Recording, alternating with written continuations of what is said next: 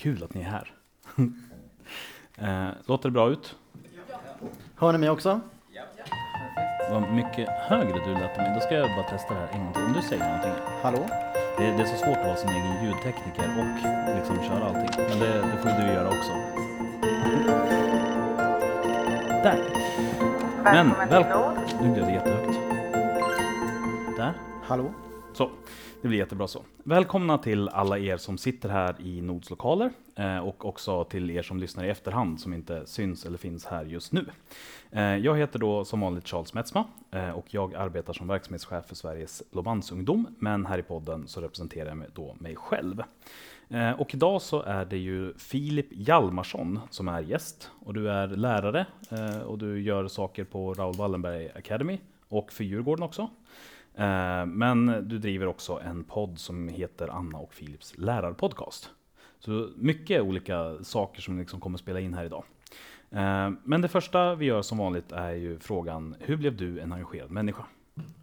Ja, det är en jättestark fråga, tänkte jag säga, en väldigt bred fråga. Men det kommer sig att eh, jag blev engagerad ja, redan som liten. Jag är uppvuxen i ett hem där vi pratade mycket om samhällsfrågor, men också mycket om idrottsfrågor. Och, eh, jag var väl den i kompisgänget som började eh, med att samla eh, gänget liksom ute på skolgården, men också efter skolan eh, där vi spelade fotboll, bandy och andra idrotter. Så jag har väl alltid varit den som har dragit igång grejer. Och eh, det fortsatte även när jag blev äldre med att jag började jobba som eh, fotbollstränare, golftränare ideellt. Så att det gjorde jag under min tonårstid. Men var det liksom så då att du liksom redan var en, leda, en idrottsledare och sen så såg någon det och bara puttade in det i de strukturer som finns? Eller liksom, hur gick den själva eh, övergången till? Men jag har nog alltid varit en ledare skulle jag säga i de Mm. klasser jag varit i. Och, men också en ledare som ville ta med alla. Eh, liksom, så att se till att alla var med och lirade. Och, så att det väl faller sig naturligt att jag sen eh, efter gymnasiet började jobba eh, på skolor och eh, kom på då att jag vill nog bli idrottslärare. Eh, och eh, vad passar inte bättre då om man brinner för att få ihop grupper än att bli idrottslärare. Så då började jag plugga till idrottslärare och efter det kom jag ut och gjorde det och sen har det blivit lite andra jobb vid sidan om också. Just det. Men nu, det vi ska prata om idag, eller du kanske kan berätta lite grann också om vad du gör på de här diverse andra uppdragen nu, förutom, för du är ju inte idrottslärare just för tillfället. Exakt. Jag jobbar ju på Ravarmba Academy och eh, där så driver jag en playkanal som kommer ut alldeles strax. Så ni som lyssnar kan hålla koll på den i sociala medier. Den kommer ut i februari där jag åker runt och filmar in lärare utifrån hur de arbetar kring civilkurage för unga, att engagera sig i de globala målen om mänskliga rättigheter och även om självledarskap. Så på många sätt kommer det bli någon slags uppföljare till det här. Ja. Och det var det som var tanken hela tiden. Exakt. så det gör 50 procent och den andra halvan så jobbar jag på Djurgården. Där jag är skolsamordnare för hockeyn och fotbollen och där så är jag väl länken mellan eh, Djurgården och våra tränare och skolorna. Så att jag binder samman dem eh, så att våra tränare kommer ut och kör aktiviteter med eleverna. Och eh, vi startade igång det här projektet 2018 och jag fick höra igår att vi har satt 16 000 barn i rörelse på 80 skolor sedan dess vilket känns väldigt bra. Och jag som är målmedveten tänker snart har vi varit ute på 100 skolor. Så det, sånt driver mig verkligen. Ja, men generellt att liksom få en siffra att jobba mot då, eller? Ja, exakt. Så är, så är det med mycket. Ja, Men, men också, inte bara själva siffran, men också självklart att vi gör skillnad. vad det står för. Ja, jag, jag är tvärtom, jag brukar tycka att siffror är tråkiga att jobba emot. Men du avslöjade här innan att du var djurgårdare, det kan vi ändå nämna tycker jag i podden. Eller hur? Ja, eh, jo, men jag vill nog ändå slänga in liksom en liten asterix på det där. För att eh, jag är djurgårdare på det sättet att jag två gånger om året kollar på text-tv hur det går för dem i hockeyn. Du är en av de 300 000 som ändå håller på Djurgården, så det är Ja. bra. Det kan vi absolut eh, få med. och det står jag för. Men det var inte det vi skulle prata om. Utan Uh, utifrån den här liksom, första presentationen så märker vi att du rör dig ju ganska mycket både mellan uh, liksom, civilsamhället och skolan. Och uh, när du inte liksom, är på ena eller andra stället så jobbar du ändå mot liksom, diverse håll. Och det är en sån sak som jag har velat prata om ganska länge just hur skola och civilsamhälle hänger ihop, eller bör hänga ihop och de bitarna. För att jag upplever både hos mig själv men också hos många andra som jag möter inom civilsamhället, att skolan liksom är lite grann något mystiskt väsen som man gärna skulle vilja komma åt, men liksom inte riktigt vet hur. Eh, så därför så utifrån liksom dina de erfarenheterna, eh, om vi bara börjar med övergripande vad du ser för, för liksom, vad har man gemensamt i skola och civilsamhälle på en generell nivå? Jag skulle säga engagerade personer som jobbar i båda delarna. Det är verkligen så engagerade personer som verkligen vill göra skillnad för liksom andra människor. Så det är någonting som jag märker både när jag jobbat i skolan men också när jag jobbar inom olika organisationer. Det här drivet, det är verkligen någonting. Så att, och engagemanget, det, ja, det slår det mesta ska jag säga. Mm. Uh, och om man tänker mer på liksom målsättningarna för de två, nu blir det ju på en väldigt liksom generell nivå, eftersom att civilsamhället är en ganska liksom, Eh, många olika saker och så är även skolan. Eh, det är lite skillnad på, liksom från skola till skola, men även mellan högstadie och eh, förskola. Men, men ungefär, liksom, vad, finns det likheter i vad man har för målsättning eller vad man vill uppnå på någon slags högre nivå? Om vi tänker så här, ta Ravalm Academy där jag jobbar för, där jag drev tidigare ett skolprogram om mänskliga rättigheter. Vi vill ju hjälpa lärarna att få så bra undervisning utifrån mänskliga rättigheter.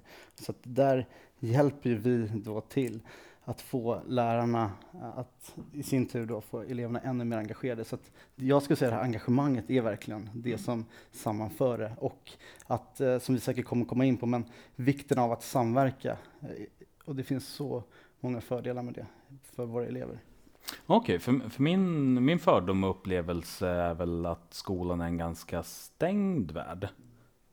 Jag har ju gjort en podd som du vet, eller gör en podd med ja. min kompis Anna Sterlinger där vi varje vecka lyfter fram grymma lärare. Och vi har gjort, jag tror jag sa det till dig innan här, jag tror vi släppte vårt 247 avsnitt idag.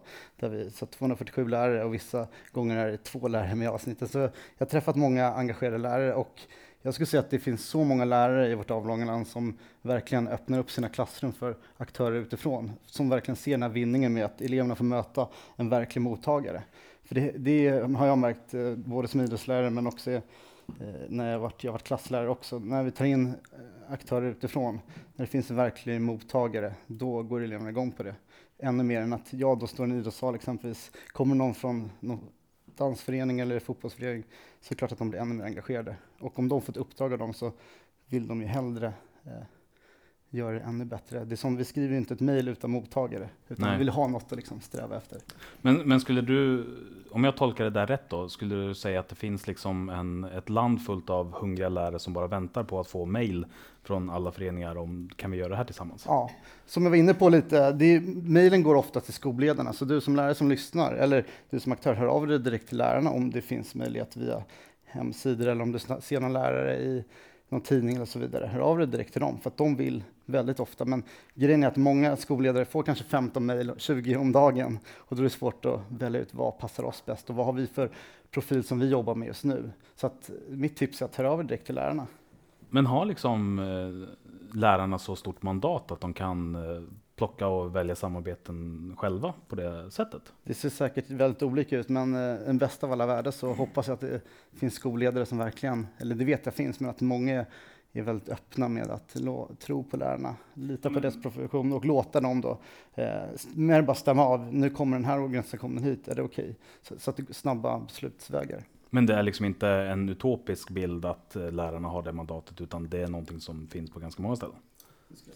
Hmm. Det, det jag, vill, jag, jag vill tro det i alla fall. ja, men det är det jag tycker är kul med den här podden, för jag lär mig mycket också. Eh, skippa ledningen, gå direkt på lärarna. Eh, men finns det några liksom olikheter då i, i skolans mål och i eh, civilsamhällets mål? Eh, eller vad man liksom vill uppnå? Finns det någon, någon typ av fallgropar som man behöver se upp med? För att jag upplever att Eh, någonting som är ganska mycket utforskat är liksom hur civilsamhälle och näringsliv ska fungera tillsammans. Och där har man ju mycket forskning också på att logikerna i sig liksom i grunden är olika. Och därför så eh, borde inte teoretiskt sett samarbetet fungera. Men det ser vi ju ändå gör det på många eh, sätt ändå. Men vilka, vilka saker är man skulle behöva se upp med eller verkligen inte göra om man kommer som en organisation till en skola? Ja, du tänker från organisationen, vad de ska se upp med från, för ja. skolan? Uh, jag tänker väl mer att ha en långsiktig plan då. Se, är det här någonting som skolan vill arbeta med över tid? Så att det inte är bara vi gör det här en kort tid, utan hur kan vi jobba långsiktigt för elevernas bästa? Det skulle jag säga är det absolut viktigaste, att det finns en, så att det inte bara blir, för det finns så många organisationer som lägger ner så extremt mycket tid, men att också få någonting tillbaks. Det är verkligen ett givande och tagande. Det är jätteviktigt att när du gör något, något form av avtal, att det, vi har förväntningar på er också, inte bara att det ska vara från skolans sida. Mm. Uh, men, men just den biten med, eh, med långsiktighet, vad, vad är liksom uh, utifrån ditt perspektiv som lärare då, vad är ett, vad är ett kort projekt och vad är ett långt projekt tillsammans? Ett kort kan vara att eh, en organisation kommer ut eh, en vecka eller kanske bara en timme till och med. Mm. Men eh, ger det någonting för din klass så är det jättevärdefullt. Återigen det här vikten av att det kommer någon utifrån som kan, kan ge någonting annat som du som klasslärare kanske inte har i dig. Uh, finns det liksom några exempel som du har sett där, där skolor arbetar med att försöka få in civilsamhället aktivt liksom som en del av undervisningen? Alltså jag har ju träffat flera lärare som hör av sig till olika organisationer som vill säga vi, vi har ett case här. Uh, vi, kan mina elever få testa det på er? Mm. Sådana, såna finns det absolut. Jag har själv gjort en sån grej att jag, då hörde jag av mig till alla svenska skolor runt om i hela Europa och så nappade Svenska skolan i Moskva, så vi inledde ett samarbete då, min klass, jag hade en trea då med Svenska skolan i Moskva. Och så bytte jag den läraren klassrum en, en vecka. Så att, så att mycket, du har världens möjligheter som lärare själv att skapa, det är väldigt mycket upp till dig själv. Och de lärare jag träffar, eh, många organisationer öppnar verkligen upp armarna för, för oss lärare. Så att vi, har, vi som lärare har världens möjligheter där. Mm. Hur känns det så här långt att vara rep liksom representant för alla lärare någonsin? Ja, det, det, den, är, den, är, den är tuff. Ja. Eh, du får säga ifrån om det är någonting som verkligen liksom, eh, inte går att svara på nej, generellt. Nej, men jag kör på, det är lika bra. Mm. Eh, men vi var lite grann inne på det. Eh, men, men jag skulle vilja utforska lite mer kring det här med eh, vad organisationer har att göra i skolan. Eh, alltså hur man kan göra för att det är ju klart att det är intressant för alla att komma in utifrån perspektivet att antingen rekrytera eller påverka. För att de eh, flesta organisationer vill i alla fall bli fler och de flesta organisationerna har något syfte som de vill eh, liksom uppnå. Eh, och då är ju skolan ofta en attraktiv plats eftersom att där är eh, en ung målgrupp instängd och kan inte fly. Eh, så att man liksom kan ju nå dem på det sättet. Men, men har, eh, om vi börjar den änden då, har liksom eh, organisationer i skolan att göra överhuvudtaget? Och det tycker jag du har svarat på till stor del. Ja, men som jag är inne på det här med så länge de organisationerna förhåller sig till läroplanen och kan ha ett schysst syfte, så självklart.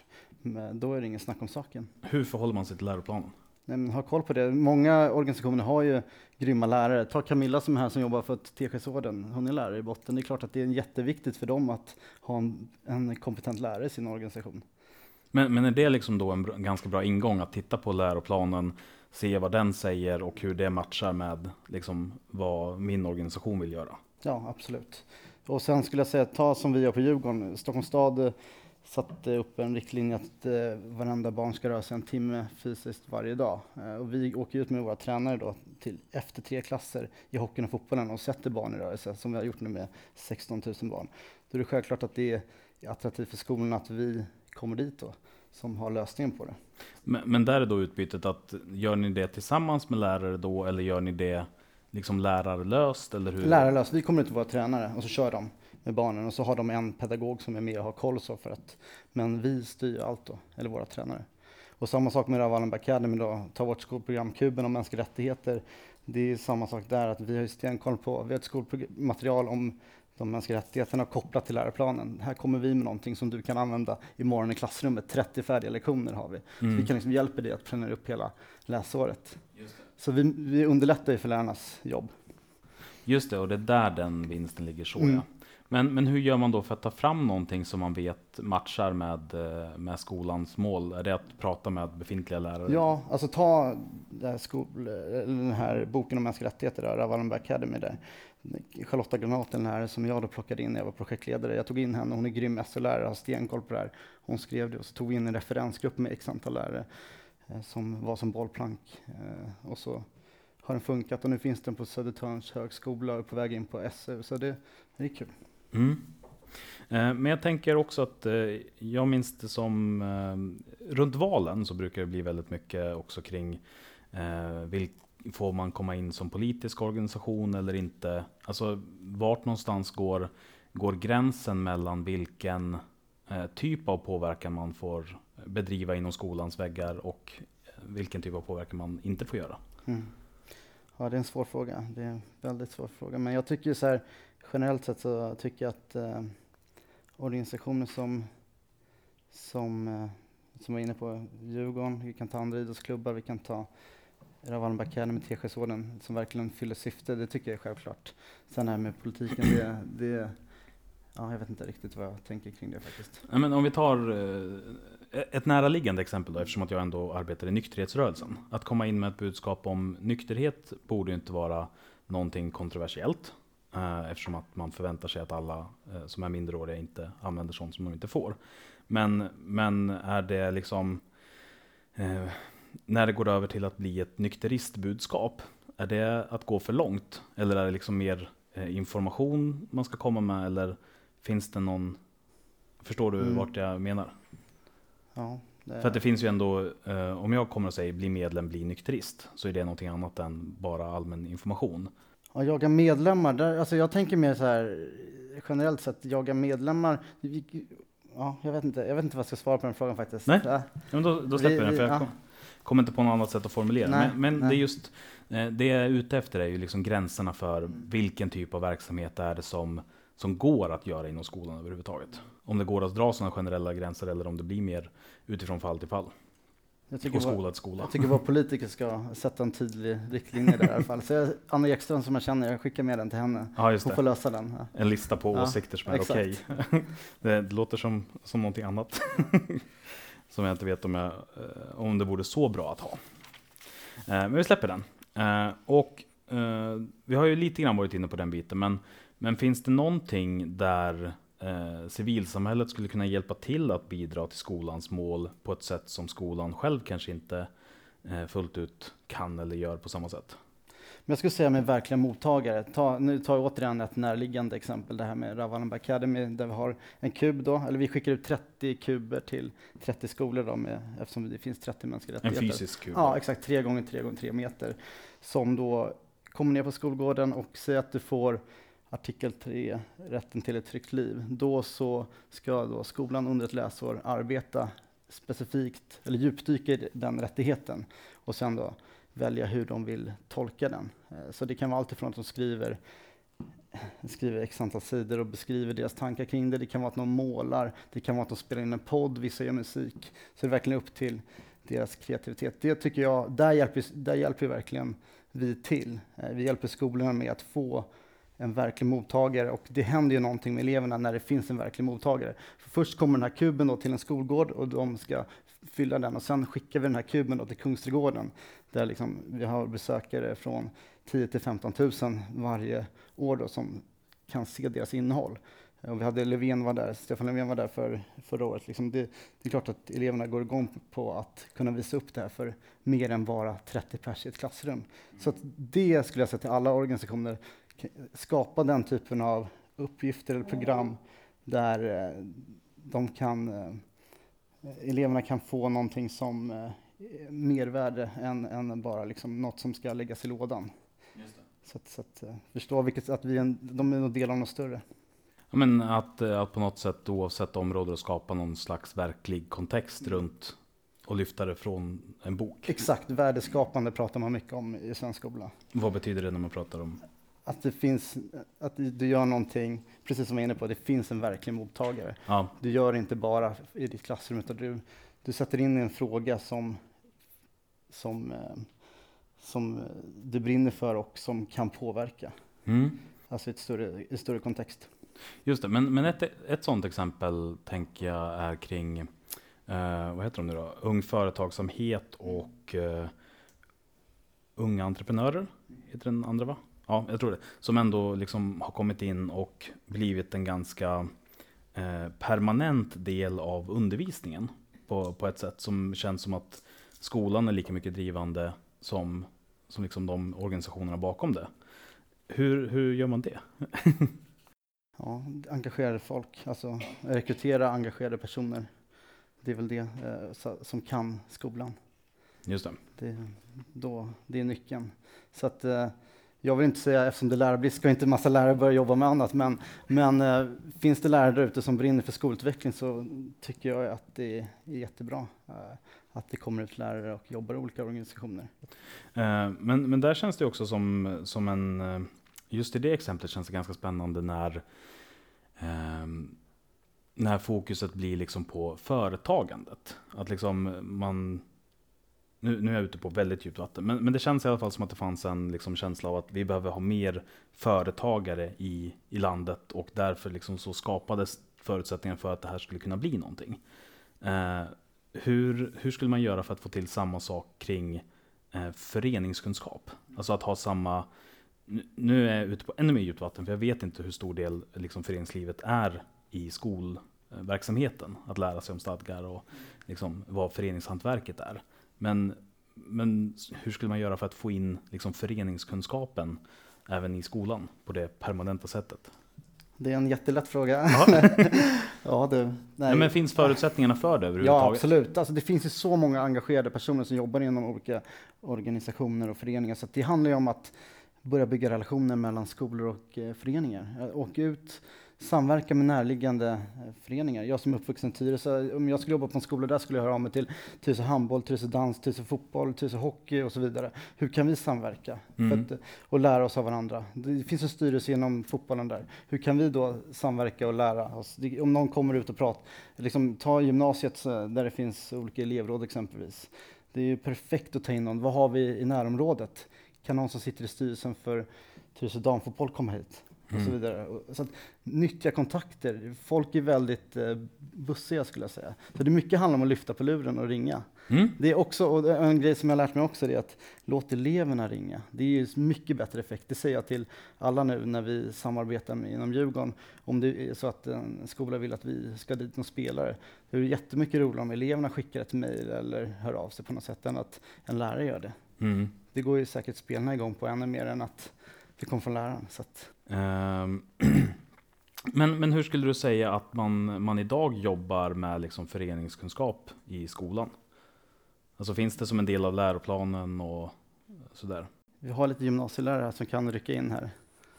Ja, var svaret. uh, vi kan uh, återkomma till det sen då, mm. så kan vi få en, eller släng in en kommentar på en gång.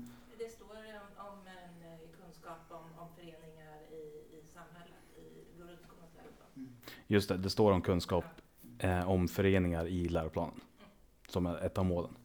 Ja, men då så. Då, då är det en, en väldigt bra ingång att använda, tänker jag. Eh, om vi tar en annan fråga som är eh, inte direkt liksom lika kopplad till det övergripande med skolan och civilsamhället, men som jag ändå tänker mig liksom, eh, viktig, som handlar mer om ledarskapet. Eh, för att jag tänker att Eh, man ofta möter en grupp som kanske inte nödvändigtvis har exakt samma mål som man själv har som lärare. Eh, finns det liksom några bra knep för att få en grupp eh, att få samma mål som, som dig själv, eller som du som lärare har?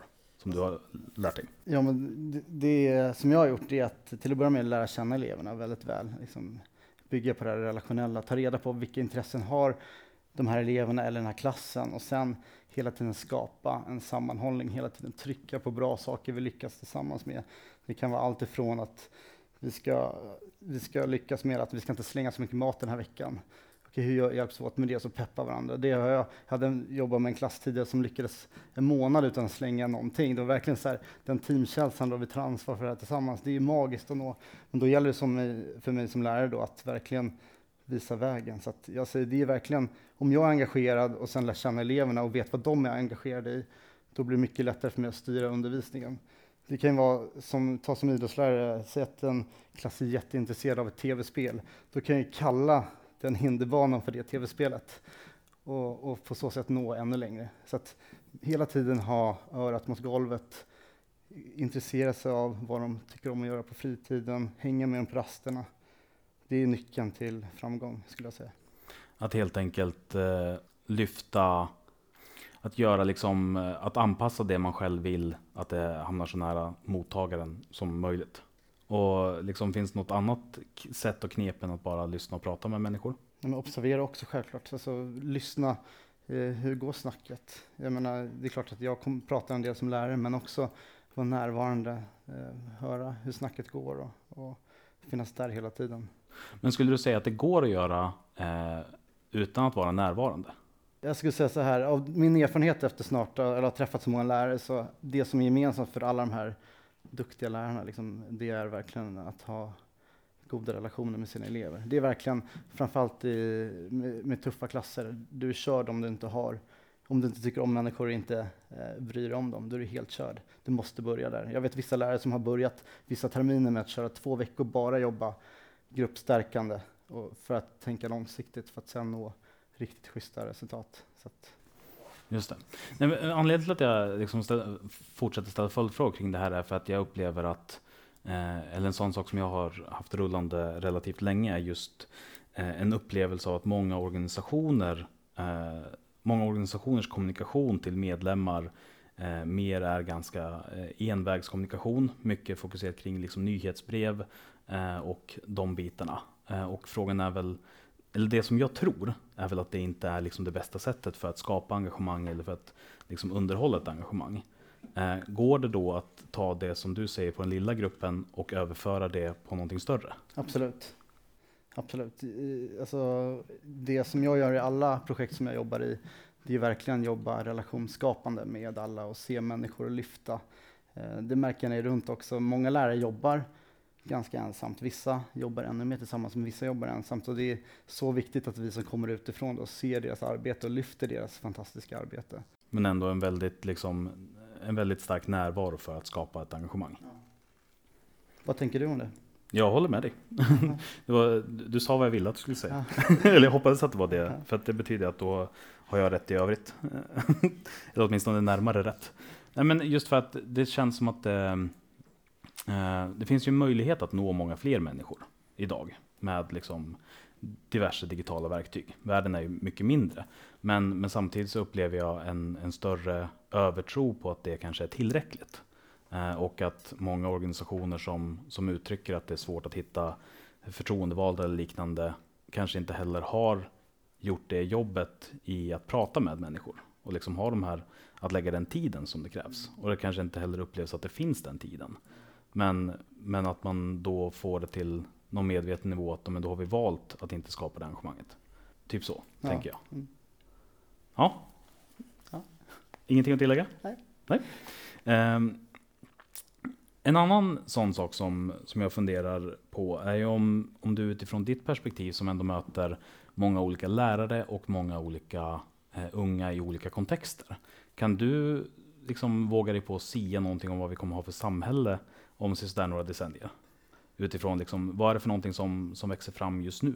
Alltså de ungdomar som jag möter, det är ju ett jätteengagemang, ska jag säga. Alltså jättetaggade.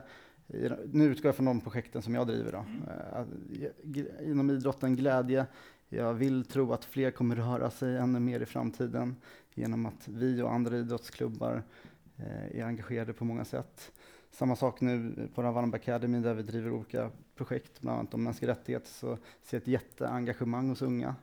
Så att eh, för mig är framtiden väldigt ljus. Mm. Hur är det för dig? Jag, jag hade egentligen tänkt att gå in tidigare och bara intervjua det som jag brukar intervjua folk. Men, Just det. men, men eh, ja. Eh, nej men alltså, jag, jag möter ju inte jättemånga unga eh, i min arbetsvardag. Vad är din bild om du tänker utifrån? Nej, men jag, jag har, har nog en samstämmig bild med den som du målar upp. Alltså att det kanske är ett ännu starkare engagemang som vi ändå ser växa fram på olika sätt. Men, men samtidigt så vet jag också att den bilden har jag eh, utifrån ett väldigt starkt eh, bias. Vad heter det på svenska? Vad heter bias på svenska? Så praktiskt med det var någon någon gång som sa att liksom, det närmaste man kan komma att vara ett spöke är att lyssna på en podd och veta vilket ord någon letar efter. Men eftersom att du lyssnar på en podd så kan du liksom inte säga det. Ja, bias i alla fall. Eftersom att jag då ändå rör mig i väldigt engagerade kretsar. Träffar eh, engagerade människor. Så att jag vet inte riktigt hur liksom, representativ min bild är av framtiden. Återigen, jag träffar, allt som jag sitter och säger här är ju inte kanske vad alla lärare känner och tycker, men det är utifrån det jag upplevt hittills. Mm. Eh, men en sak som du eh, pratar ganska mycket om nu när vi har suttit här och pratat, eh, och som jag också såg när jag spanade igenom rubrikerna på, på de poddavsnitten som du och Anna har släppt, är ju att väldigt många avsnitt på något sätt handlar om tillgänglighet eller att se till att alla olika människor får vara med. Eh, och finns det liksom något sånt här generellt som du har snappat upp, eh, annat än liksom lyssna på era 200 plus avsnitt, eh, som man kan ta med sig i att verkligen tillgängliggöra verksamheten eller det man håller på med för att se till att alla är med? Tänker du då, ele får alla elever med på tåget eller hur? Ja, eller de som är engagerade i din förening. Eller så. Jag tänker att det ändå är hyfsat eh, liknande realiteter. Ja. Nej, men jag tänker väl att eh, det behövs väl för att få skapa ett engagemang så behövs det vara, det behöver vara några stycken. Alltså Mm. det som jag och Anna drog igång den här podden, det är klart det är enklare att vara två. Du gör ett jättejobb eh, själv måste jag säga. Det är imponerande att vara själv liksom driva det här som du har gjort nu i, vad är det, över två år va? Ja, tre, Tre år, till och med, ja du ser. bara för någon dag sedan. Ja, ja grattis. Ja, tack. Nej, men, men eh, så att det, hitta personer som har ett driv, oavsett om det är klasser eller på en arbetsplats eller om du som ungdom lyssnar eller elev, eh, samma sak där, hitta några i klassen som är engagerade. För att ju fler vi är, desto mycket, mycket lättare blir det att skapa någonting.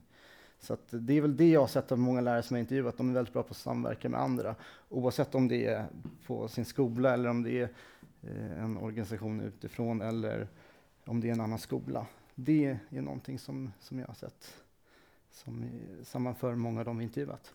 En slags nyfikenhet och att, en strävan efter samarbete. Ja, att hela tiden bli bättre också för att utvecklas i sin profession och, och göra det bättre för eleverna. Så det, och det är det vi får ju, som jag sa till dig innan vi slog på mickarna här, att vi får ju dagligen en massa tips från lärare över hela landet och det är fantastiska berättelser. Och, och eh, ibland får vi frågan varför intervjuar man de här lärarna? De syns i olika medier och sådär. Det gör vi till en viss del, men vi hittar också lärare som ingen känner till. Och för mig kittlar det ännu mer att få intervjua någon lärare som ingen känner till. Men för att vi ska hitta den personen behöver vi få ett mejl från dens kollega eller skolledare och så vidare. Så att det, ja, det finns så många, vi skulle kunna sända 10-15 avsnitt om dagen. Så kanske du också känner? Ja, jag valde ju civilsamhället som scope och det tar inte riktigt slut på ämnen. Eh, men, eh, men eh, jag tänker om vi ändå rullar tillbaka liksom till tillgänglighetsbiten. För nu blev det ju väldigt mycket kring liksom just det här samarbete och söka med nyfikenhet. Men, men just finns det några sådana saker som, som i din erfarenhet man måste göra för att inte tappa bort någon på vägen? Man var lyhörd. Ehm, om vi tänker oss att vi ska skapa någonting på en skola, alltså se till att alla får sin röst hörd. Alltså det finns en jättebra övning tycker jag där, som vi kör på Ravalba Academy, där vi sitter liksom alla får, vi ser verkligen till att vi, vi ställer ut en frågeställning och så får alla svara. Alltså skapa sådana situationer. Så att, för, för det är ofta så att några tar mer plats än andra, men hur kan vi skapa situationer där fler eh, har möjlighet att komma till tals? Oavsett om det är ett klassrum eller arbetsplats eller det. Så, så det är verkligen, för, så att det inte blir bara de som hörs mest som får mest utrymme. Mm. Det, och det är också som, som till er rektorer, om det är någon som lyssnar, att, det, att skapa de, de samtalen eh, på, på lärarmöten. Att, så att det blir att fler får komma till tals. För det finns så mycket bra stories som annars inte kommer till ytan. Och ehm, nu när jag tittade igenom, jag har inte lyssnat på, på så många avsnitt eh, av eran podd, men jag tittade ändå igenom den katalogen som finns med de 267, sa vi så? 47. 247 Ja. avsnitten. Och jag kunde inte se att något direkt handlade om civilsamhället. Eh, det fanns eh, ett par som hade representanter med typ eh, Mattecentrum och eh, Raoul Wallenberg Academy. Eh, men, eh, men liksom ingenting som jag direkt på, på rubriken såg handlade om civilsamhälle. Så det första är, rätta mig om jag har fel, eftersom att jag inte gjorde min research ordentligt. Eh, och det andra är, hur kommer det sig att det inte har blivit en del av, av podden hittills? Du har helt rätt. Nej, men vi har ju fokuserat på att lyfta goda exempel inom skolan, främst lärare. då. Och det bottnade i att vi tyckte att det var så extremt mycket negativt om svensk skola i media när vi startade igång det här för fem år sedan. Så det är därför vi vill lyfta fler lärare för att få fler att bli inspirerade att bli just lärare. Mm. Så det, det har du helt rätt i. Sen har vi i avsnitten där många samverkar med Friends och så vidare, olika organisationer, eh, goda exempel. Så det, det, är mer så att vi får höra om engagerade lärare, hur de samverkar med andra. Och lite som varit inne på tidigare, då, det, det, ja, så det är sånt, eh, vi har den vinkeln då, lyfta mm. lärare. Ja, men precis. Men finns det något eh, avsnitt, antingen om du har det liksom nu, det har du inte fått förbereda på, men om du har något avsnitt direkt som du kan tipsa om som mer handlar om samarbetet mellan skola och civilsamhälle, Annars så, så tar vi det efterhand och så lägger det i beskrivningen istället. Mm. Ja, men jag tänker att vi har fler exempel, men uh, jag, har jobb, jag sa till dig, jag har haft uppdrag från Prinsparets stiftelse under hösten med, med att uh, sprida deras sajt Lajka då, som är mot nätmobbning. Och där hade vi några som var med tidigare och pratade eh, kring det. Eh, de har även samarbetat med Friends. Så det är avsnitt, vad kan det ha varit, 238 någonting. Mm. Kan ni spana in, med Pelle och Karin. Har du hela katalogen i huvudet? Inte riktigt, Nej. men hyfsat. Har du det? eh, Johan, Wendt, Johan Wendt som jag har, Mattecentrum, vilket avsnitt? 14, 15, 16 någonstans. 24. Ja. Jag, jag kollade det då. Men det är ändå bra. Ja? Jag visste inte att, att, att jag skulle bli popquizad. Nej, jag skojar. Nej, men det var ändå hyfsat nära. Ja, nej men de börjar suddas ihop. Eh, men, men nu liksom har vi gått igenom de bitarna som vi tänkte på förhand. Eh, finns det någon fråga hos er som har suttit och lyssnat på det vi har pratat om, som, eh, som ni skulle vilja lyfta upp och höra eh, någon av oss resonera kring? Ja, där. Eh, jag, vet inte hur jag ska formulera det här, men just det här med samarbete skola och civilsamhälle. Det, är det var ju mycket på nyheterna senast om eh, professionella aktörer mm. som gör det här arbetet som många idrottsföreningar kanske gör. Och så. Eh, var, går gränsen för en ideell, ur ett ideellt föreningsperspektiv att gå in i skolan?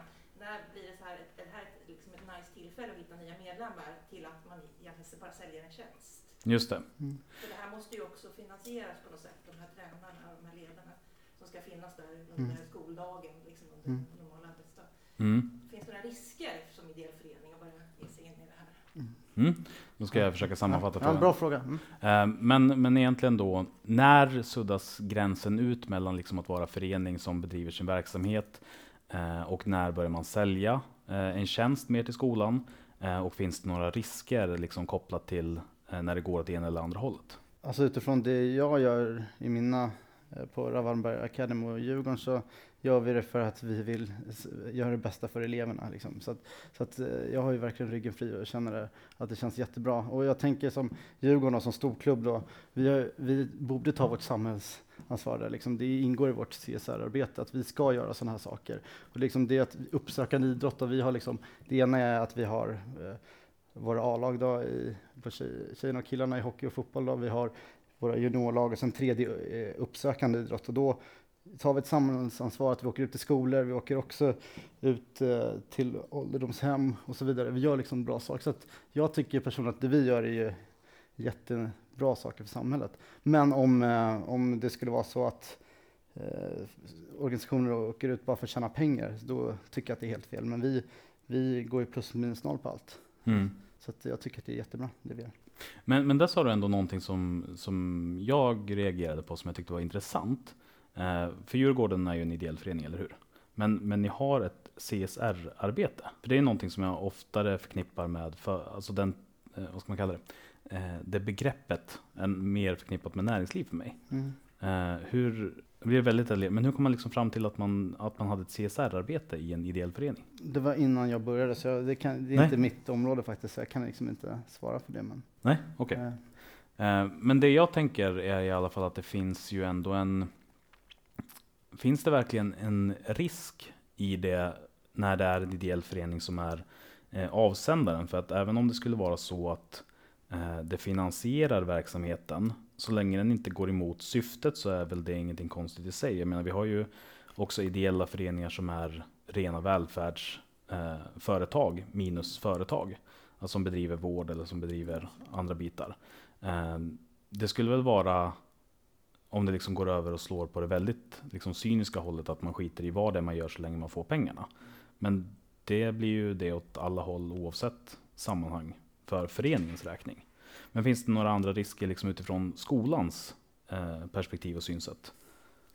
Det gäller att ha koll på de som hör av sig, alltså de organisationerna. Vad står de här för? Vad kan de bidra med? Vad är syftet?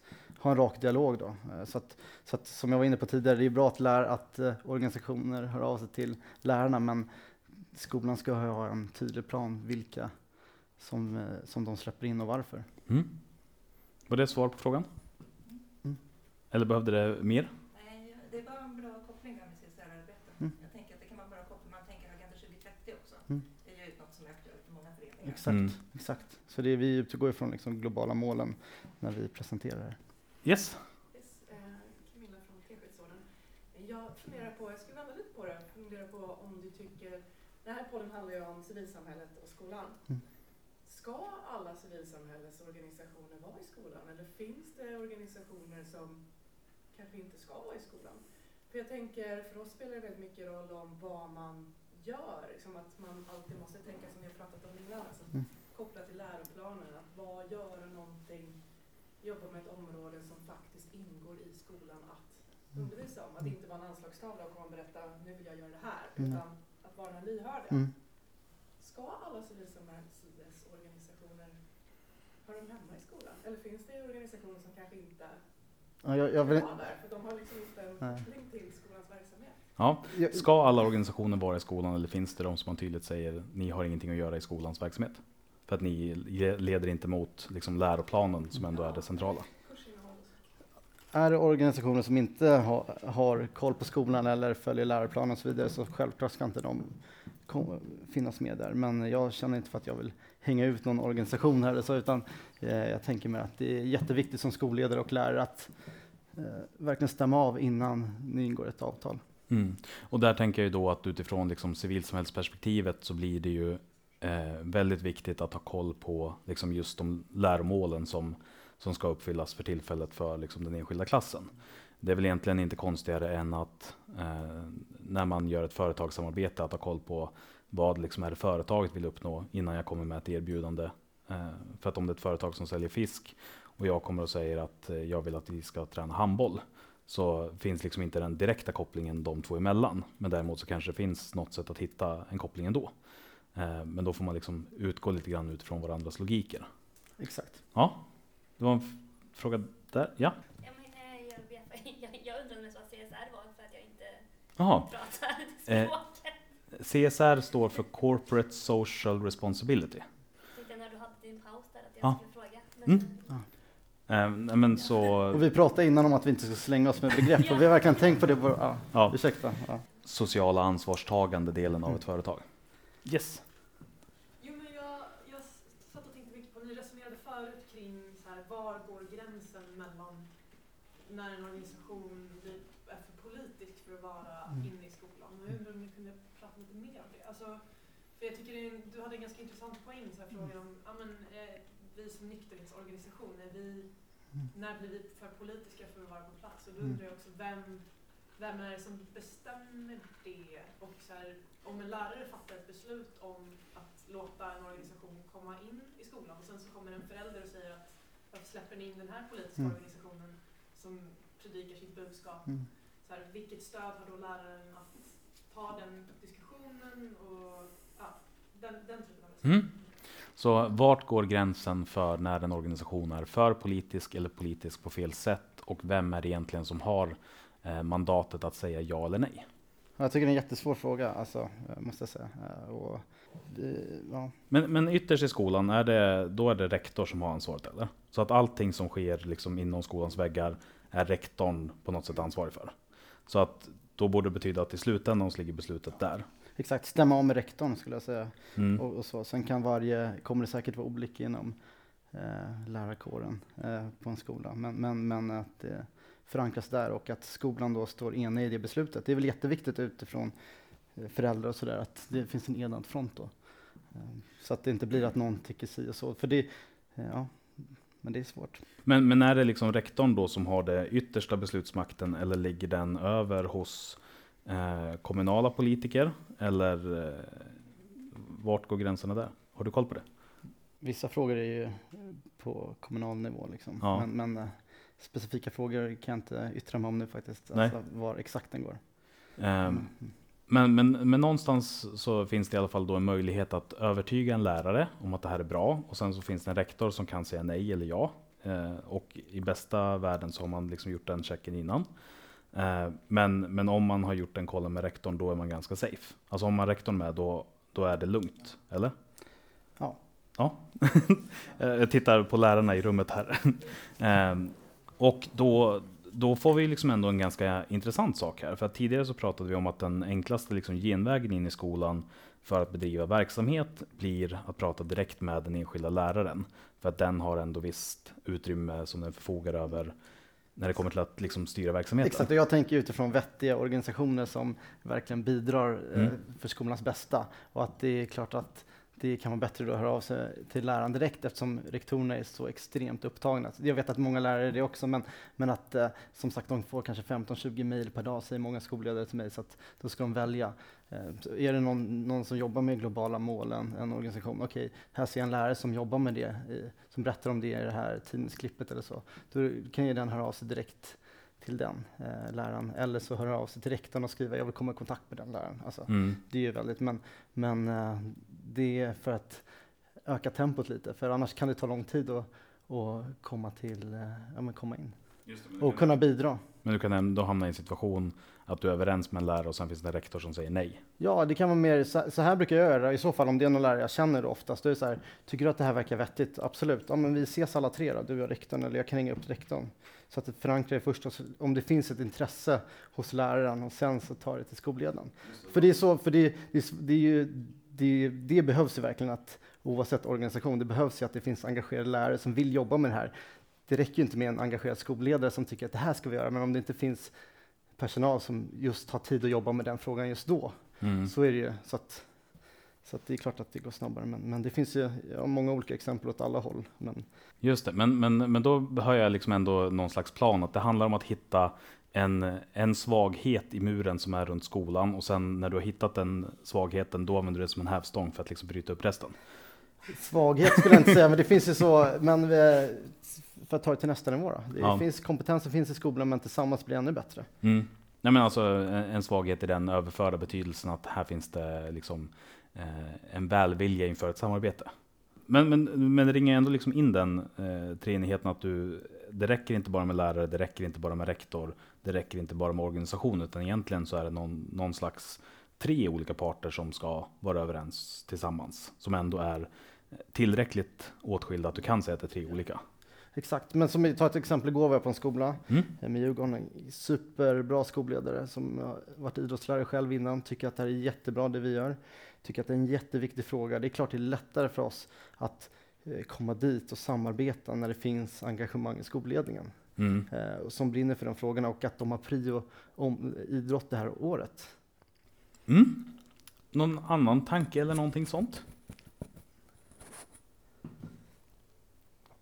Nej, men i så fall så rundar vi av med att du får berätta om någonting som du har misslyckats med och vad du lärde dig av det eh, och någonting som du har gjort som du är stolt över. Ska vi börja med eh, misslyckande då? Du kan få välja. Jag ska berätta om en story förra veckan när jag glömde en data på tunnelbanan eller ett misslyckande i idrottssalen. Eh, Jag tror nog att det finns mer lärdomar i idrottssalen än att kolla alltid på din plats innan du reser dig. Exakt. Jag fick tillbaks datorn bara, men det var en Mm. fin story. Men, ja. men, eh, ja, som idrottslärare, jag, jag vet inte. Jag har ju misslyckats massa gånger såklart. Men eh, det det har varit, det det har varit är att när jag har misslyckats så har jag liksom gått tillbaks och funderat, okej hur kan jag göra det här bättre? Ta kanske en hinderbana som inte blev den effekt som jag hade tänkt mig med så mycket rörelse. Liksom komma tillbaks nästa dag och säga till eleverna att det här funkade inte riktigt som jag hade tänkt mig. Jag, liksom, jag ber om ursäkt, eh, eh, våga vara sårbar, prestigelös. Och sen liksom, okej, jag har tänkt om, nu gör vi det här. Och för liksom skapa ett klimat där det är okej att göra fel. Så att varje gång jag misslyckas så lär jag mig någonting av det. Då blir jag dålig förlorare och går hem och tänker till och ska göra ännu bättre nästa dag. Men också eh, få det klimatet hos eleverna. Mm. Så det, det, det tänker jag ändå kräver eh, ett visst mått av mod. För nu börjar jag komma upp i den åldern där jag inte längre eh, passar in på samma sätt som jag en gång kanske gjorde eh, i en högstadieklass. Och det finns ingen liksom inget tillfälle som jag är så rädd som när jag föreläser inför en högstadieklass. För att jag vet ingen som kan se ut liksom att, att önska, liksom sitta rakt upp och ner och önska livet så mycket ur sig själv som en högstadieklass. Eh, när man liksom kommer in för en föreläsning. Eller så är det bara jag då. Men, men att då vara sårbar även i det läget. Eller du kanske aldrig hamnar där. Du kanske är för cool. Nej, det är verkligen inte. Men våga vara prestigelös. Alltså hela tiden. Alltså på arbetsplatsen, eh, privat, allt. Det är så vi växer. Alltså det är inget snack om saken. Det, det, vi jobbar jättemycket med det på Rav Wallenberg Academy, liksom självledarskap och vad, när misslyckades jag? Alltså, jag har träffat grundarna av Skype, eh, Sandström, ja, Niklas Sandström, han har ju liksom misslyckats massa innan, men till slut så lyckades han skapa Skype. Alltså, det är, på, ja, det är misstag vi lär oss. Mm. Någonting du är stolt över då? Ja, vad jag är stolt över. Mycket, men jag är väldigt glad att få representera Djurgården och liksom Rav Wallenberg Academy. Är Fantastiska jobb och så jag går till dem varje dag och är väldigt glad att få göra det. Både idrotten som jag brinner för men också samhällsfrågor. Så det är en perfekt kombo för mig just nu i livet. Saknar du lärarbiten också? Ja, men jag är ute så mycket på skolorna så att jag får ändå hoppa in och är lite målvakt och sådär med, med hockeyn och fotbollen. Och, så det är klart att det här dagliga, absolut. Men, men eh, som jag sa till dig innan, just nu har jag så många lärare som jag jobbar så nära med så det blir som, inte mina elever, men det blir personer som jag återkommer till och träffar mycket och kan jobba med att lyfta och se dem. Så att det blir på något sätt Samma typ Liknande- av relationer ja. som en klass? men att jag på en skola kanske kan nå 300-400 nu kan vi påverka 16 000 barn där i Djurgården och 10 000 i Wallenberg Academy, liksom gymnasiet och lågstadiet. Så att det är kul att kunna, även om det är våra tränare som gör det yttersta, som är där varje dag, så är vi ändå med och planerar och skapar de förutsättningarna. Så det, det är jag stolt över. Mm. Toppen, men i så fall så får jag tacka så mycket för att du var med och delade med dig och tack till alla er som kom. Tack så jättemycket.